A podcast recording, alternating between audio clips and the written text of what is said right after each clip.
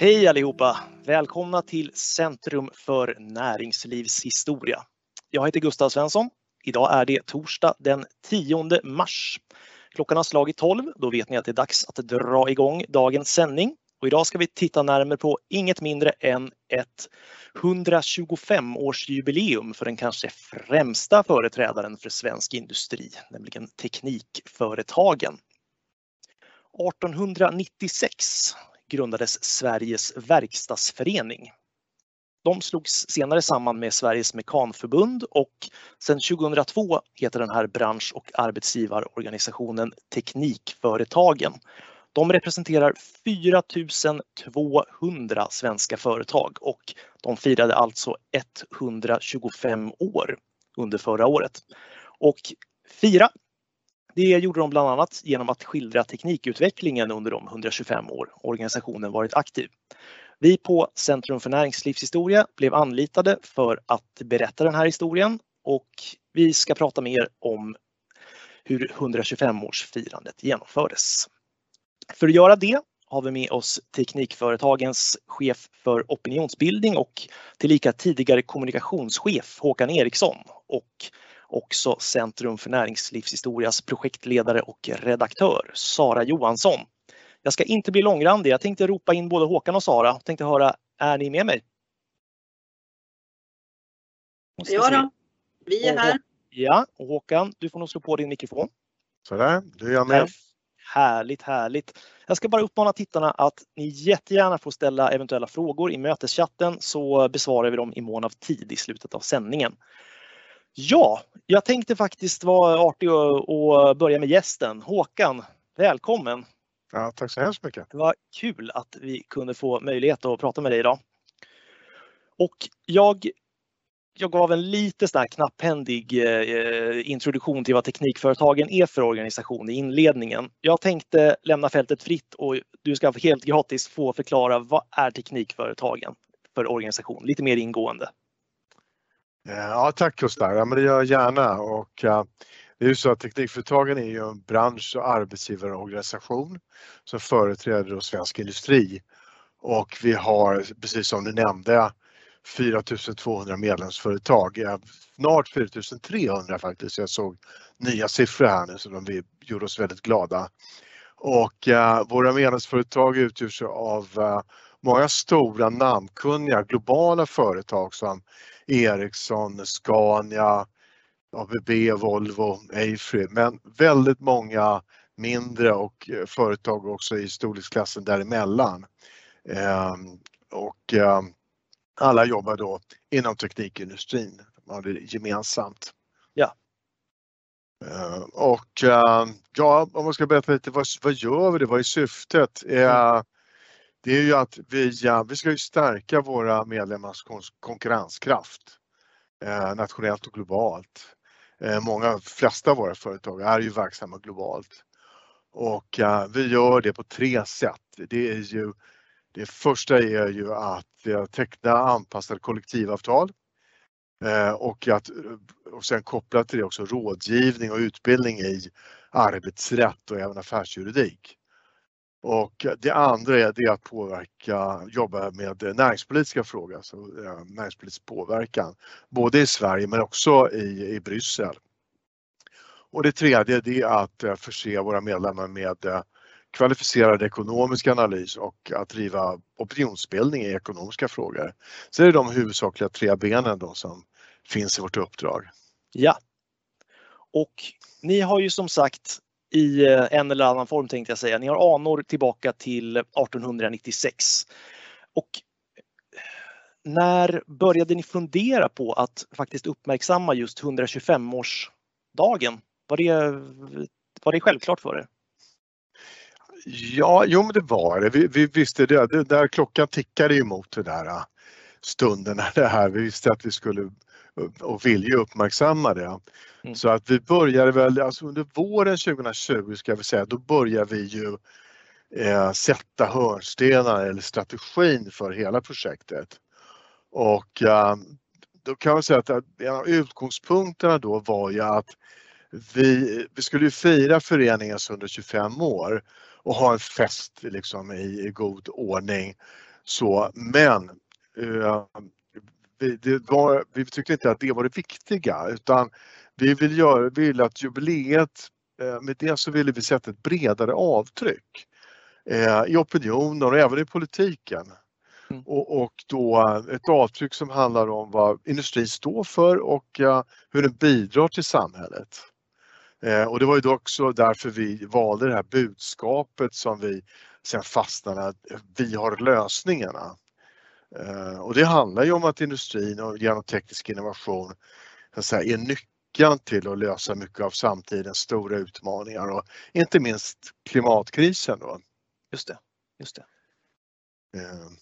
Så att det var väl så vi satte igång. Sen började vi skissa på formerna för det här förstås med webb och skolmaterial och våra sex stycken eh, tv-produktioner också. Mm. Det var så det satte igång helt enkelt. Ja. I vilket skede kom ni i kontakt med oss på Centrum för näringslivshistoria? Eh, ja, det var väl efter det första mer strategiska planeringsarbetet och jag visste och flera med mig väl på att centrum skulle ha en naturlig del i det här. Det visste vi nog från början. Just det. Och, ehm, och vi, ehm, vi känner ju centrum eh, sedan rätt lång tid eh, för att det, teknikföretagen har ju deponerat material av historiskt värde hos centrum. Och ja, vi har ju alltid, vi prenumererar ju på de produkter och så som kommer från Centrum. Väldigt proffsiga, snygga böcker, filmer och annat. Så att, ja, det tackar äh, vi särskilt för. Tack, tack. Ja, det är, det är verkligen sant och det kan jag väl kanske passa på att framhålla. Det är väl, jag tycker är lite unikt med Centrum för näringslivshistoria, det är att man har väldigt kunniga historiker, väldigt kunniga arkiv, arkivpersonal Eh, och väldigt duktiga kommunikatörer och man gifter ihop det där på ett väldigt bra sätt tycker jag. Eh, så det är både djup och en väldigt fin presentation av det man gör. All right. Ja, nej men då tänkte jag, jag går väl över till, bollar över till personalen då, inte minst redaktören. Sara. Hej, hej! Hej, hej! Då tänkte jag fråga, eh, vad är det vi har gjort för teknikföretagens räkning egentligen? Vad, vad har vi producerat? Exakt. Ja, det, det landade i en väldigt konkret produktion. Eh, som sagt som, som Håkan var inne på där, att det är ett väldigt brett berättande och vad det här, det, de, hur, ja, det sätt de ville fira 125 år. Men det uppdrag som landade på oss blev till slut väldigt, väldigt konkret. Eh, det blev eh, 20 stycken artiklar som vi producerade eh, och bildsatte som de skulle ha till sin webb då. Deras jubileumswebb som har tre faser kan man säga. De pratar om, om dåtid och nutid och framtid. Och då skulle vi liksom fylla dåtidsdelen där. Så det blev 20 stycken olika artiklar med väldigt olika fokus. Och så ja, bildsatt såklart. Dessutom så ja, skrev vi ett underlag också till några historiska filmer som de skulle jobba med. Eh, som jag tror egentligen främst skulle användas i någon slags jubileumsturné. Men sen kom ju pandemin och satte lite stopp för saker. Ehm, mm, gjorde ju det. De här artiklarna har ju ganska stor bredd om och behandlar teknikföretag och teknikutveckling i allmänhet och inte kanske så mycket fokus på organisationen Teknikföretagens historia. Hur, ehm, hur kom ni fram till att den, det var en bra modell? Sara? Mm. Jag tror, vi har en, jag tror att vi har en bild också där vi kanske kan visa om vi får upp den nu. Eh, som illustrerar det här lite grann. Eh, där ser vi den ja. Några av artiklarna. Eh, och som Gustav, som du sa, det, det är en väldigt, väldigt bred. Eh, vi bestämde oss för att Självklart måste vi berätta teknikföretagens, alltså organisationens historia till viss del. Eh, så att två stycken artiklar handlade helt väldigt så konkret. Så här har teknikföretagen växt fram och förändrats och det här är deras eh, syfte och så här har de jobbat och så. Eh, men sen gick vi in på egentligen då svensk teknikhistoria och det var väldigt mycket alltså i samråd med teknikföretagen för att, ja, som Håkan sa tidigare, de ville berätta liksom det stora. Vad har svensk teknik, vad har svenska företag bidragit med under de här 125 åren? Eh, och det, det, det kan liksom vi prata om allt ifrån elektrifieringen eller eh, hur telekombranschen utvecklades, eh, de första datorerna, eh, och fram till idag då där vi, vi pratar väldigt mycket om hållbarhet och den typen av eh, och plattformsbundna företag. Mm. Så att vi, vi enades om det här. Det var ett, ett väldigt bra samarbete. Att vi, jag som man säger, redaktör och projektledare gjorde en stomme och bollade med teknikföretagen och fick feedback och så landade vi i det här. Som kändes ja. bra för alla. Mm. Rent praktiskt, text, textproduktionen, hur, hur gick det till att skriva artiklarna? Eh, det gick eh, för det första väldigt bra. Man ska säga kanske så här också att eh, vi hade en väldig fördel här kan jag tycka. Vi har ju vår forskningschef eh, som är docent i teknik och vetenskapshistoria, Anders Holtz hos oss. Eh, och han är ju liksom en klippa att luta sig mot såklart i dessa sammanhang. Ehm, så att han fanns ju hela tiden med där och eh, vi var sex stycken tillsammans som eh, skrev de här texterna. Ehm, så att jag skulle säga att lite ovanligt på det sättet att vi delade upp det. Vi var väldigt många kockar den här mm. gången. Men till projektets fördel tror jag faktiskt för att hos oss också så finns ju väldigt mycket olika kompetenser, olika intressen och sådär. Eh, så att vi kunde liksom koppla in, vi har en medarbetare som till exempel är otroligt duktig på Ericssons historia, på telekomhistoria. Eh, och då var det ju självklart att be honom skriva om just, just. den delen. Mm. Eh, men jag tror också som sagt var Anders Holtz som liksom den, den vetenskapliga klippa han är då i bakgrunden gjorde det här väldigt, ja att det blev väldigt liksom, lätt att genomföra. Men sen så krävs det ju planering planering, planering, planering och så sen genomför man. Ja. Mm. Hade du någon speciell favorit av artiklarna som skrevs? Eh, jag tycker allt är intressant eh, och jag, så, då tycker jag med alla projekt vi jobbar med att jag blir ju helt galet intresserad av just det jag gör just nu. Eh, men jag kan ju tycka kanske faktiskt att de här väldigt övergripande. Eh, vi har en som en, en, kort artikel som verkligen så här ska summera svensk teknikhistoria 125 år. Just. Hur man nu kan summera det på liksom, eh, 6000 tecken. Eh, men, men, det, men det är ju fantastiskt att få ta till sig. Så det, ska jag välja en favorit så är det väl det då. All right. ja, kul. Ja, um, Håkan, du nämnde mm. ju lite om uh, varför det kändes naturligt att samarbeta med oss på Centrum för näringslivshistoria och att vi var rätt leverantör. Men teknikbranschen känns ju spontant inte inte som en bakåtblickande bransch där man tittar på historien utan det, det känns ju, jag har svårt att se någon bransch som är mer framtidsfokuserad och framtidstung så att säga. Med tanke på det du sa om att det är där många av lösningarna på dagens problem finns. Ehm, är det inte så att det finns ett begränsat intresse för, för just det som har varit i er bransch? Ja, det är en berättigad fråga Gustav. Det är, Eh, men, men vi gjorde, det var mycket därför också att vi gjorde så att vi delade upp det här i igår och idag imorgon för att vi ville ha den tematiken. Mm.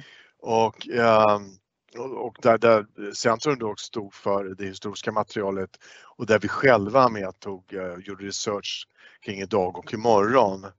Eh, men det här var viktigt då för att vi ville teckna en slags röd tråd genom tiden eh, och där teknikföretag genom historien har bidragit till lösningar och att de gör det nu och att vi kan förvänta oss att de gör det även i framtiden.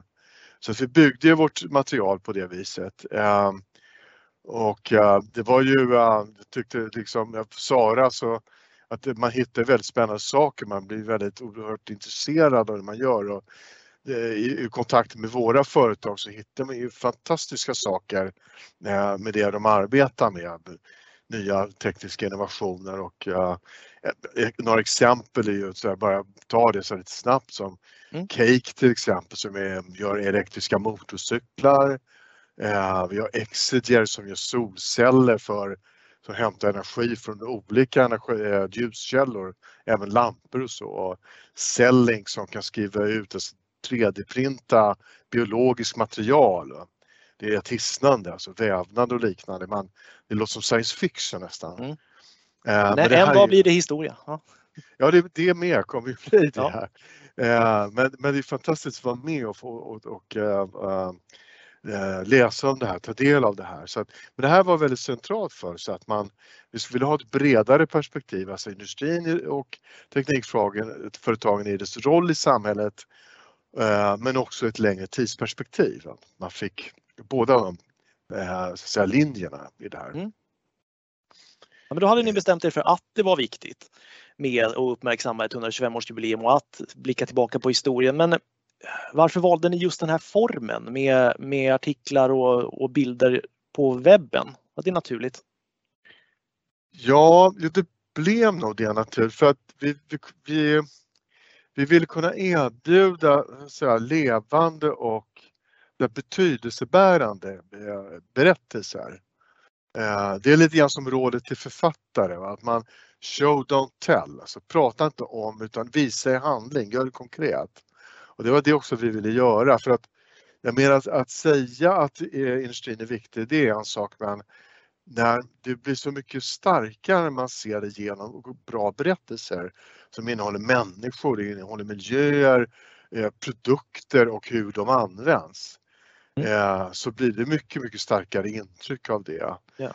Eh, sådär. Och sen ska jag säga det också, vi hade ju eh, också våra sex stycken webbsända tv-program och där med studiesamtal och så. Och, då, och där ingick även det historiska materialet. Ja. Vi brukar försöka säga till våra medlemsföretag på, som är medlemmar i Centrum för näringslivshistoria att historien, historien är ju den bevisföring som finns för de löften du ger till dina kunder om vad du ska göra i framtiden också. Så det blir ju, det, det är ett CV kan man säga. Ja, det är precis och det, det är väl, eh, vi upplevde det väldigt mycket så att vi, eh, vi fyllde på vårt varumärke och även berättelsen om industrin. Eh, Eh, det, det fick skarpare konturer och det fick det blev någonting att samlas runt, vara stolt över och kunna visa också för omvärlden. Mm. Så jag tyckte definitivt att det hade en varumärkesstärkande funktion. Ja, hur ser ni på det som blev 125-årsfirandet? Kände ni att ni fick det ni, det ni ville ha och det ni förväntade er? Eh, ja, det, det, tycker jag eh, absolut och mer därtill skulle jag vilja säga för att det eh, man kan ju alltid, vi satte upp eh, att det vore, i arbetet innan också att det vore bra med eh, historiskt material. När man ser framför sig bilderna, texterna och, och filmerna här så det blir så starkt då. Eh, men också så blir man ju alltid jag blev ändå överraskad hur mycket bra material det fanns i arkiven.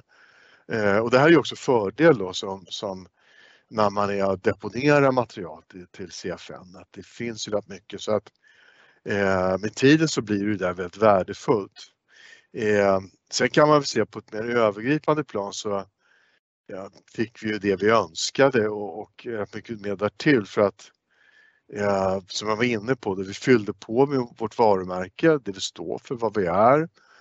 Eh, och en intern stolthet. Eh, vi fick också, tycker jag, en bra plattform för att säga, och utgångspunkt för vår, vår dialog med andra intressenter i samhället. Inte minst med politiken. Det fick en annan ram så att säga. Mm. Eh, som jag tycker, eh, ja det vitaliserade det på ett bra sätt. Ja, kul. Sara? Ja. Ja, jag tänkte höra om det samarbetet som man har med kund, i det här fallet teknikföretagen, och bolla fram och tillbaka innehållsmässigt och sådär. Hur, hur såg de förutsättningarna ut och hur funkade, hur funkade det? Det funkade väldigt smidigt tycker jag hela tiden. Vi fick eh, eh, jag var inte med i allra första början men när jag väl kom in så där så fick vi, som jag upplevde det, ganska fria händer faktiskt. Att, mm. Eh, eh, ja, men att planera och komma med liksom en idé till det. Vi visste att de ville ha någonting på webben, någonting skrivet. Eh, men att vi fick ganska liksom tänka rätt fritt ja. i hur vi skulle lägga upp det här. Och sen som jag sa tidigare, då bollar man ju såklart med kund och det här kanske jag kommer till senare också men det här tycker jag var en sån alldeles föredömlig, ett föredömligt tillfälle där, där det här bollandet gick väldigt bra. Eh, för som kund så tror jag också att man, man, måste, man måste förstå att man måste lägga lite tid på det här. Eh, man måste liksom vara engagerad eh, istället för att liksom tänka att ja, här kommer Centrum för näringslivshistoria eller någon annan då in och ska, ska berätta och göra allting. Visst, vi gör ju det konkreta jobbet, men för att det ska bli bra så krävs det ju en ständig dialog och då krävs det också att kunden är på tå och, och liksom tittar, lyssnar, kommer med feedback. Så jag tycker att den delen gick Ja, väldigt, väldigt bra. Väldigt smidigt måste jag säga. Ja, inga svårigheter som ni stötte på? Eh, som alltid, ska jag väl nästan säga med historia, eh, så är ju svårigheten att sålla. Att liksom eh, välja bort. Och i det här fallet blev det kanske ännu tydligare. Jag menar svensk teknikutveckling, 125 år, det går ju att berätta vad som helst, hur mycket som helst. Det blir ganska hur, många artiklar om man anser. Ja, om hur många företag som helst. Och här hade vi begränsat oss till, till 20 artiklar som dessutom eh, skulle vara ganska komprimerade. Vi visste att det skulle vara på webben. Eh, det skulle inte vara långläsning, det skulle liksom vara matigt, komprimerat, eh, svep över ganska stora perioder och ganska stora skeenden. Samtidigt ge exempel på, på specifika personer, specifika företag. Eh, och då är det ju alltid problemet att man måste välja bort. Mm. Eh, så vi, det är ju, vi har ju bara nuddat liksom på vissa ämnen. Och vi nämner vissa företag, vi ger vissa exempel men, men utöver dem så finns det ju liksom åtskilliga andra såklart som vi också hade kunnat lyfta. Men så är det ju alltid, man måste ju på något vis ja, välja bort och välja det man, man ska berätta. Ja, hade ni en, en bruttolista som ni fick kurera? Eh, ja, på men tänkbara artikelteman? Ja, lite så. Eller vi, jag tror att det landade faktiskt ganska mycket i det vi liksom började med, men det var ju mm ja, det var säkert några till som vi strök bort så där, och någon som tillkom då. Ehm, jag minns specifikt att eh, teknikföretagen eh, poängterade att vi skulle gärna ta in någonting om design och liksom designhistoria. Eh, såklart eftersom teknikföretagen är väldigt engagerade i det och liksom instiftar stora designpriset och så där. Och det, är klart, det, och det var ju ett otroligt bra inspel från dem som kanske inte vi nödvändigtvis hade, hade tänkt på då innan. Men som var liksom en, bra, en bra grej att ta upp. Mm. Nej, men det är väl som Sara säger, det är ju lite en, man gör ju en gemensam resa i det här. Jag tror väl också att det är bra att man har, det är klart man, i grunden ska man veta vad man vill så att säga med eh, vad man vill förmedla men sen att man har ett utrymme för kreativitet eh, på, på, båda hållen. Att eh, knåda fram någonting som blir bra i slutändan. Eh, jag tror det är bättre, då lockar man fram det bästa ur, ur alla. Mm. Mm. Håkan, om man ser till eh, de effekter som det här eh, 125-årsfirandet har fått om några, har ni har det genererat någon särskild uppmärksamhet och eh, har det mest varit just stoltheten internt? Du var lite inne på att det öppnade upp åt det politiska hållet och sådär. Har, ni, har ni lyckats kartlägga vilka typer av resultat ni fick rent mätbart av, av den här kampanjen? Eh, ja, men vi har ju mätt både på längden och tvären. Mm. Så, men, men, det är klart att det viktigaste här är väl det som, dels det du nämnde, va? det är en intern stolthet. Det är också en, en stolthet hos våra medlemsföretag om det de gör. För att jag menar, det är ju, det är ju ett sätt att lyfta blicken från det dagliga. Att man så att säga, eh, ibland så ser man ju inte skogen för alla träden med att, att, se att det man gör ingår i ett större sammanhang har en större betydelse för samhället eh, i bred bemärkelse. Eh, så det där var ju väldigt viktigt och eh, sen det jag var inne på också, vitaliseringen av, av dialogen med politiker. Och då kommer vi liksom utgå ifrån en grundpremiss om att industrin spelar en huvudroll för omställningen och klimatet inte minst då. Eh, och få då en, en väldigt fokuserad och bra dialog kring det hur, hur industrin kan fortsätta vara ledande till det. Eh, men, men sen alltså, alltså om man lyfter blicken liksom ytterligare ett steg så tycker jag att det, har, det kan vi ju alla se att industrin idag beskrivs ju på ett mycket mer positivt sätt än för bara några år sedan. Och jag minns ett famöst uttalande av en tidigare statsminister som sa att the industry is basically gone. Va? Eh, det är ju ingen som säger längre. Nej. Eh, och det har ju varit en fantastisk industriutveckling nu med alla investeringar i Norrland och det är koldioxidfri stål och cement och allting. Eh, så att det har bidragit förstås till det men jag tror väl att vi kommer in, jubileet kommer in i ett väldigt bra sammanhang på det, en bra kontext i det. Och var, inte en avgörande men, men ändå en bidragande röst för att berätta om det som sker i industrin på ett positivt och ett nytt sätt. Eh, så det tycker jag är en sån effekt jag kan se. Mm. Sen, är, sen är det klart rent praktiskt på, på liksom i det lilla så blev vi duktigare på att jobba digitalt. Eh, det är ju, vi gick, allt gick ju via webben och eh, eh, på grund av pandemin. Vi hade ju planerat en jubileumsfest som alla hade sett fram emot. Va? Men det blev inte någon sån, tyvärr. Nej. Och coronapandemin gjorde väl att alla kunde känna sig lite bakbundna men, men samtidigt så var det också ett sätt att få tekniken att accelerera. Jag menar Teamsmöten var ju lite av ett alternativ då, nu är det normen. Bara att vi sitter här och pratar via Teams som att det, det är en vardaglig händelse. Det, ja, verkligen. Det kan, ju, det, det kan ju fungera disruptivt så att säga och verkligen skynda på en utveckling som, som man ser komma. Mm. Har du Håkan, några, några råd till andra organisationer som har, som har ett jubileum i antågande eller som vill lyfta sin historia? Jag ska slänga in ett första och det är börja planera i tid. Men om du kanske så här, av egna erfarenheter har några andra råd du vill skicka med till, till företag som funderar på vad de skulle kunna, vad de skulle kunna göra när de fyller jämnt? Ja, börja i tid. Eh, just i det här fallet så är det av viss särskild betydelse. Va? Därför att ju mer tid man har att grotta i arkiven desto mer intressanta saker kommer man hitta. Ja. Desto mer berättelser får man. Eh, det här säger man ju alltid men just här är det av särskild betydelse. Eh, nej men ett, några råd är väl att se det här som ett tillfälle att lyfta sig. Eh, inte från det liksom konkreta och dagliga till att man, man sätter sig själv i ett större sammanhang och ger det en, annan, en större betydelse. Det tror jag är kanske viktigaste. Och sen är väl det som vi har varit inne på att utgå ifrån den insikten att eh, historien bygger varumärket. Historien bygger identitet. och det finns ju sådana som är väldigt skickliga på det. Jag tänkte på IKEA till exempel. Historien om Ingvar Kamprad. Det, det är ju verkligen storytelling med historia när den är som bäst. Ja. Yep. Eh, och förstås, eh, men det här är självklart de flesta kommunikatörer, men att man man tar en ordentlig funderare på vad det är man vill förmedla. Vad, vad ska huvudskapet vara? Så man har den här röda tråden genom allting man gör. Och, eh, och, och, men sen alltså ett medskick eh, kring alla företag eller organisationer det är att eh, gräv där ni står.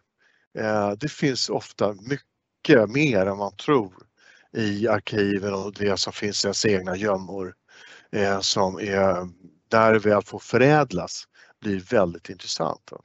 Ja.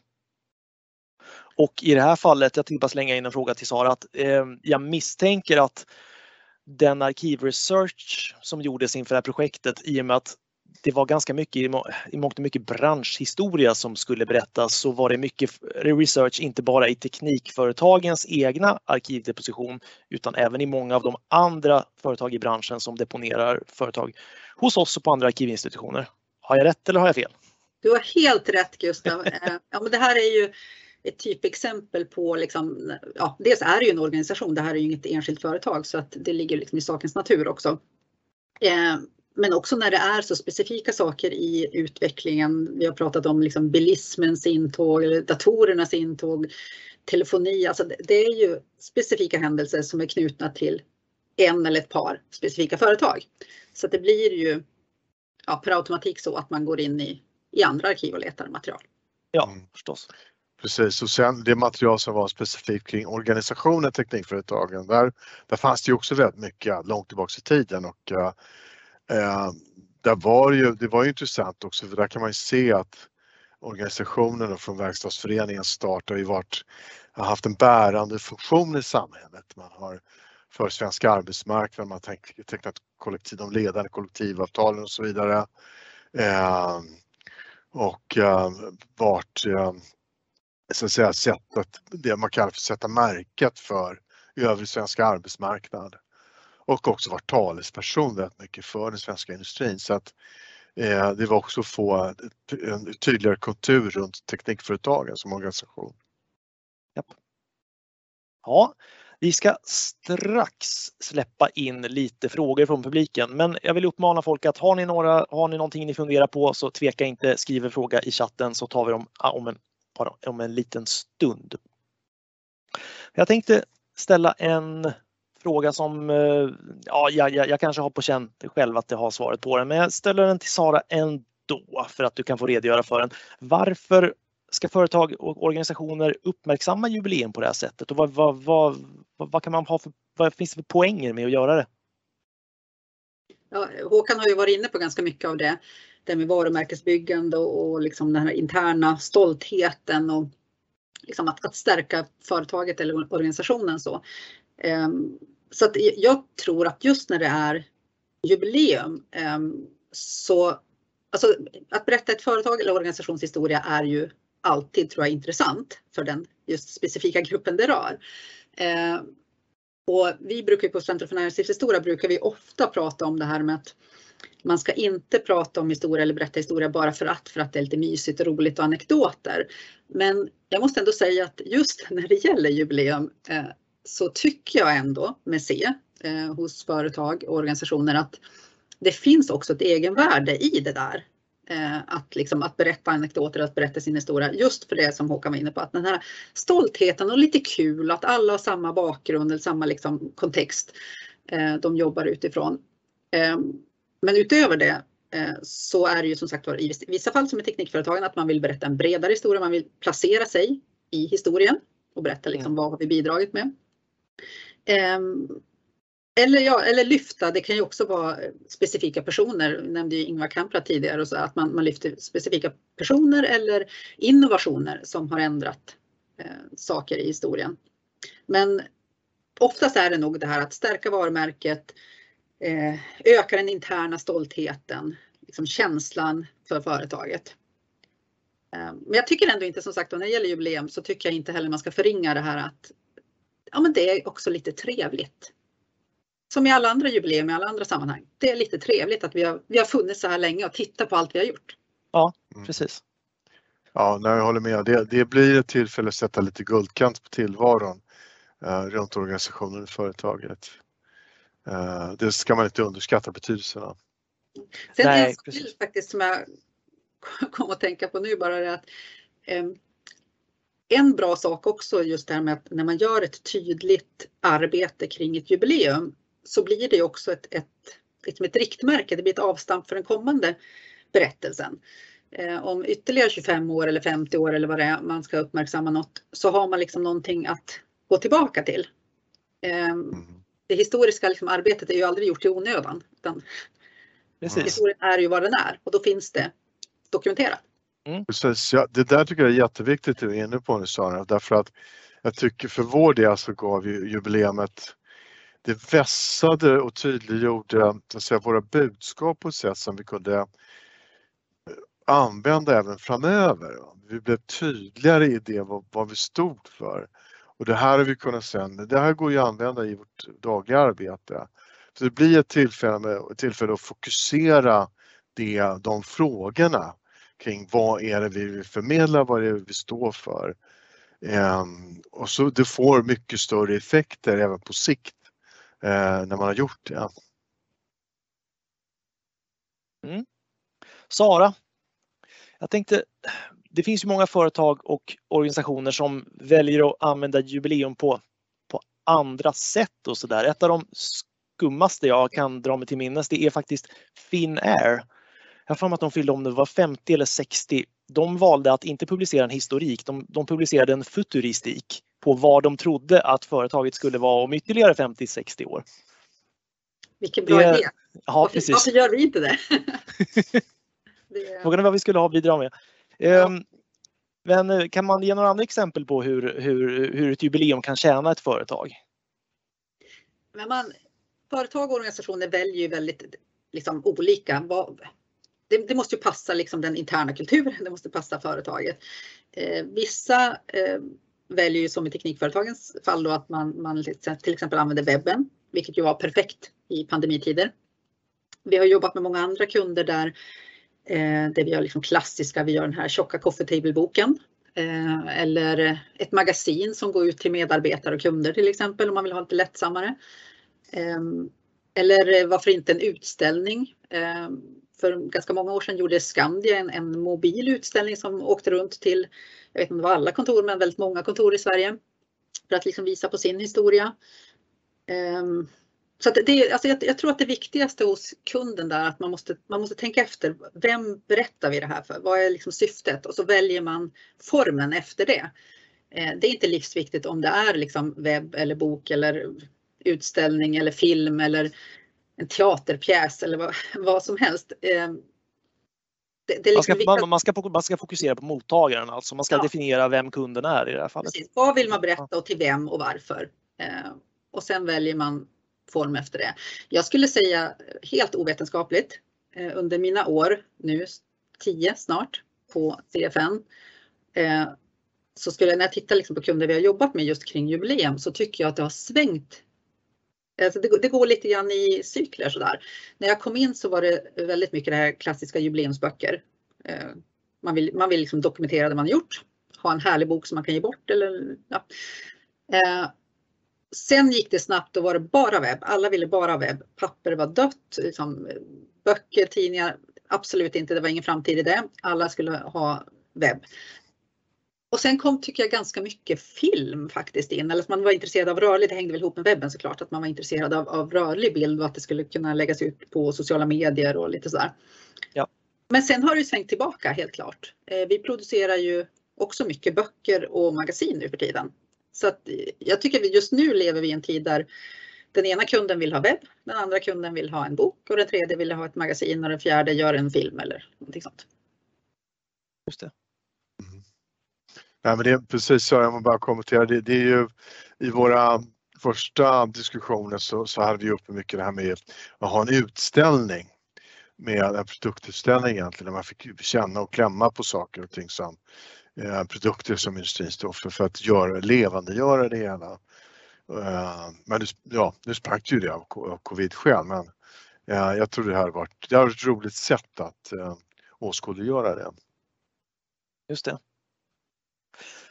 Ja, sen tänker jag att den interna kunden, alltså kanske just att skapa intern stolthet för teknikföretagens medarbetare. Det kanske blir än mer aktuellt när man, just som vi gjort under pandemin, jobbat mycket hemifrån, kanske inte haft lika många sociala kontakter på arbetet som vi haft tidigare och man ändå behöver nästan använda det som en typ av teambuilding. Ja, absolut. Ja, det verkligen är så. Det, pandemin var ju en, en tid av liksom isolering för många så att då är det ju, det var en utmaning, det vet ni alla som jobbade på distans, att, att få en samhörighetskänsla i, i, på arbetsplatsen mm. och få samarbetet att fungera. Men att det är klart att kunna enas kring ett sånt här projekt där man också tillåts vara kreativ och komma med uppslag och idéer så. Det, det blir en, det föds ju en väldig energi ur det där och en samhörighet kring eh, det man faktiskt sen eh, presenterar. Eh, och det var nog extra viktigt, det tror jag också Gustav, just i de här tiderna. Ja, ja. Ja, Sara, om man ska försöka analysera, inte sig själv, men sin arbetsplats. Vad har vi på Centrum för näringslivshistoria för styrkor och svagheter när det gäller att arbeta med, med jubileum? till Våra kunder. Ehm, jag tycker att Håkan har sammanfattat det ganska bra tidigare men, ehm, men det är just också som jag var inne på tidigare att vi har en, ehm, liksom, en väldig bredd hos oss. Förutom det självklara då att vi, vi är ett arkiv såklart och sitter med otroligt mycket arkivmaterial så tänker jag också att det är liksom personalen hos oss. Vi har en väldigt bredd, vi har väldigt många arkivarier anställda med redaktörer, bildredaktörer, andra, eh, andra typer liksom av positioner där, där eh, alla har en väldig bredd, både kunskapsmässigt och intressemässigt.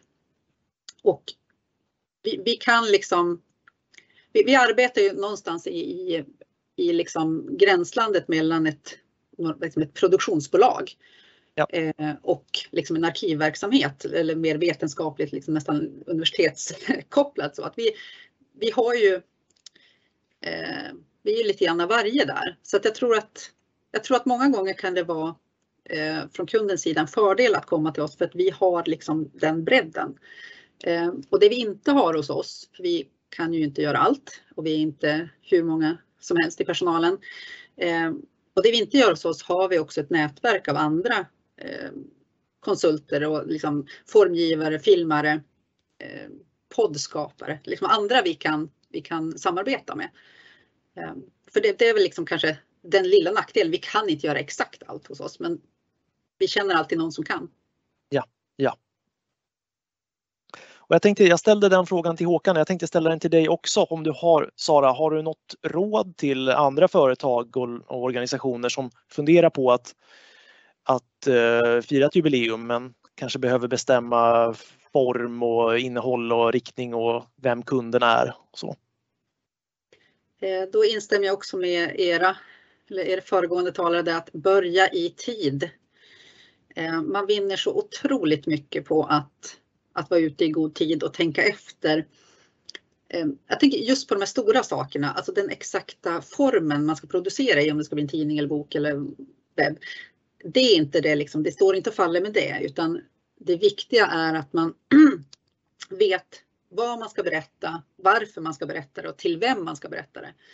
Eh, och det kräver ibland, beroende på också organisationen, hur stor, liksom, det kan vara väldigt många som har olika åsikter inom en organisation, att man samlas kring det eh, och att man pratar ihop sig.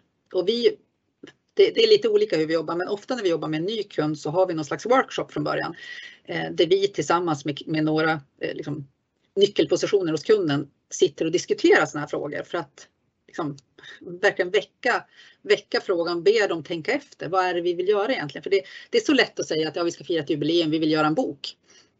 Jaha, för vem, varför, vad ska, vad ska boken innehålla? Mm. Ehm, så att börja i tid, prata ihop sig inom organisationen. Vänd dig till den som ska hjälpa till, om det är oss eller någon annan, eh, ganska tidigt så att man har liksom det, det samarbetet. Men också vill jag trycka på en sak som jag tror jag nämnde lite tidigare att en bra grej att komma ihåg är att bara för att man vänder sig till oss eh, eller någon annan så betyder det inte att liksom så här, åh, nu är jubileet fixat. De, de gör det. Eh, det kräver det kräver tid, det kräver kraft, det kräver engagemang hos kunden. Eh, inte liksom för, för så mycket praktiska saker, men för att finnas till hands, för att kunna svara på frågor, eh, bolla idéer, hjälpa till att hitta dokument eller bilder eller något som saknas. Eh, så att gärna, jag tänker också att man, man utser en, eller flera, men en är väl lämpligt, eh, som är liksom kontaktpersonen mot oss. Så man kan ha den här, och att den personen är medveten om att det är en del av hela liksom, jubileumsredaktionen. Precis.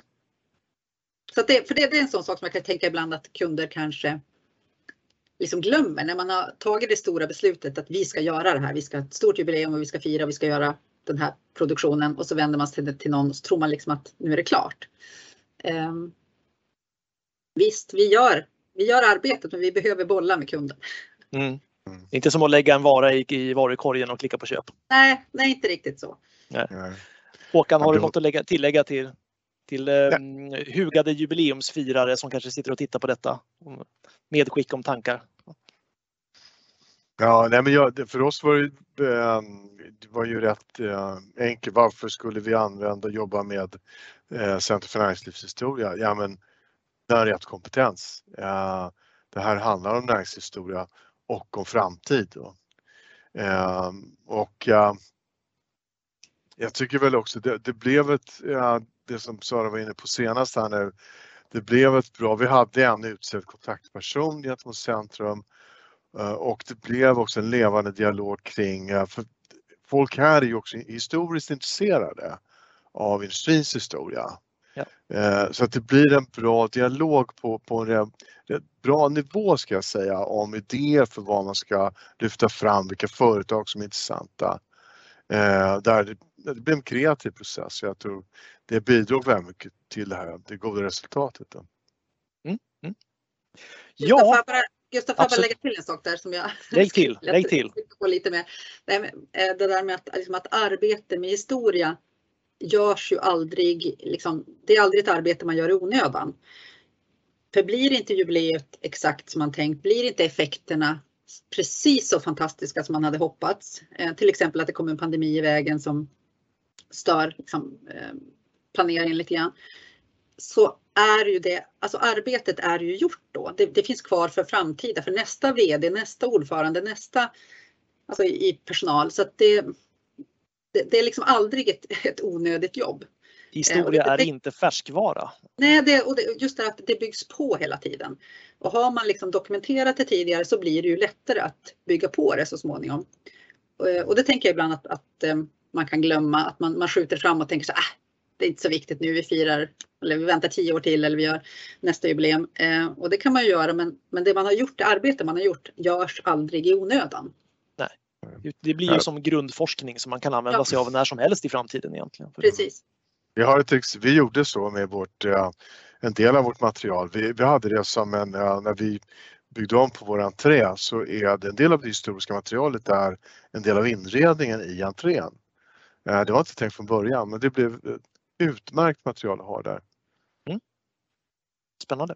Ja, hörni ni, då tänkte jag öppna upp eh, för frågor från publiken och än så länge har det kommit in två. Och ni har väl lite tid på er fortfarande ni som tittar så ni får jättegärna skriva era frågor i chatten. Jag tänkte börja med en fråga som, ja det var nästan en no-brainer att den skulle komma. Var hittar jag artiklarna? Det är folk som är nyfikna på att läsa detta förstås. Ska jag svara eller ska jag svara? Nej, jag svarar, du svarar. nu kan jag inte URLen, webbadressen helt eh, utan till, men jag vet att mina kollegor som sitter där med chatten kommer att skriva ut länken så att ni som lyssnar kan eh, klicka er in och titta. Eftersom Teknikföretagen jubileumsåret är ju över så att det är ju ingenting som de liksom pushar just nu, men det finns ju kvar såklart på mm. sidan. Men den kommer i chatten. Ja, vad bra, då sticker vi ut hakan och lovar att ni ska få länken, ni som tittar. Ja, då kom, var det en fråga från Lars. Han undrar, kommer den webb som gjordes till 125-årsfirandet med dåtid, nutid och framtid att leva vidare och uppdateras löpande? Eller var det en engångsinsats som ska avvecklas? Det, det kommer inte avvecklas det där med att det tas ner. Det kommer ju ha en lite, lite mer undanskymd plats eh, i vår webbstruktur. Eh, så är det ju. Eh, men det, tanken är nog ändå att när, det, när vi hittar, det är både historiskt material och, och nutida material, att eh, kunna fylla på den sajten. Eh, det är klart att det blir inte samma intensitet som under jubileumsåret. Eh, men att, eh, för det här är ju, det var väl det som vi var inne på tidigare, att det här kan ändå leva under längre tid. Ja. Eh, sen, sen så, som Sara riktigt säger så den har ju mer undanskymd plats idag för att vi, ja, jubileumsåret är över och nu är det andra saker. Nu är det avtalsrörelse och valrörelse som vi kanske ligger lite längre fram på vår mm. sajt. Precis. Ja, det var faktiskt de frågor som har kommit in. Så om ni inte har någonting att tillägga Håkan och Sara till det som redan sagts så tänkte jag att vi kommer runda av. Då återstår bara för mig att säga på återseende och tack!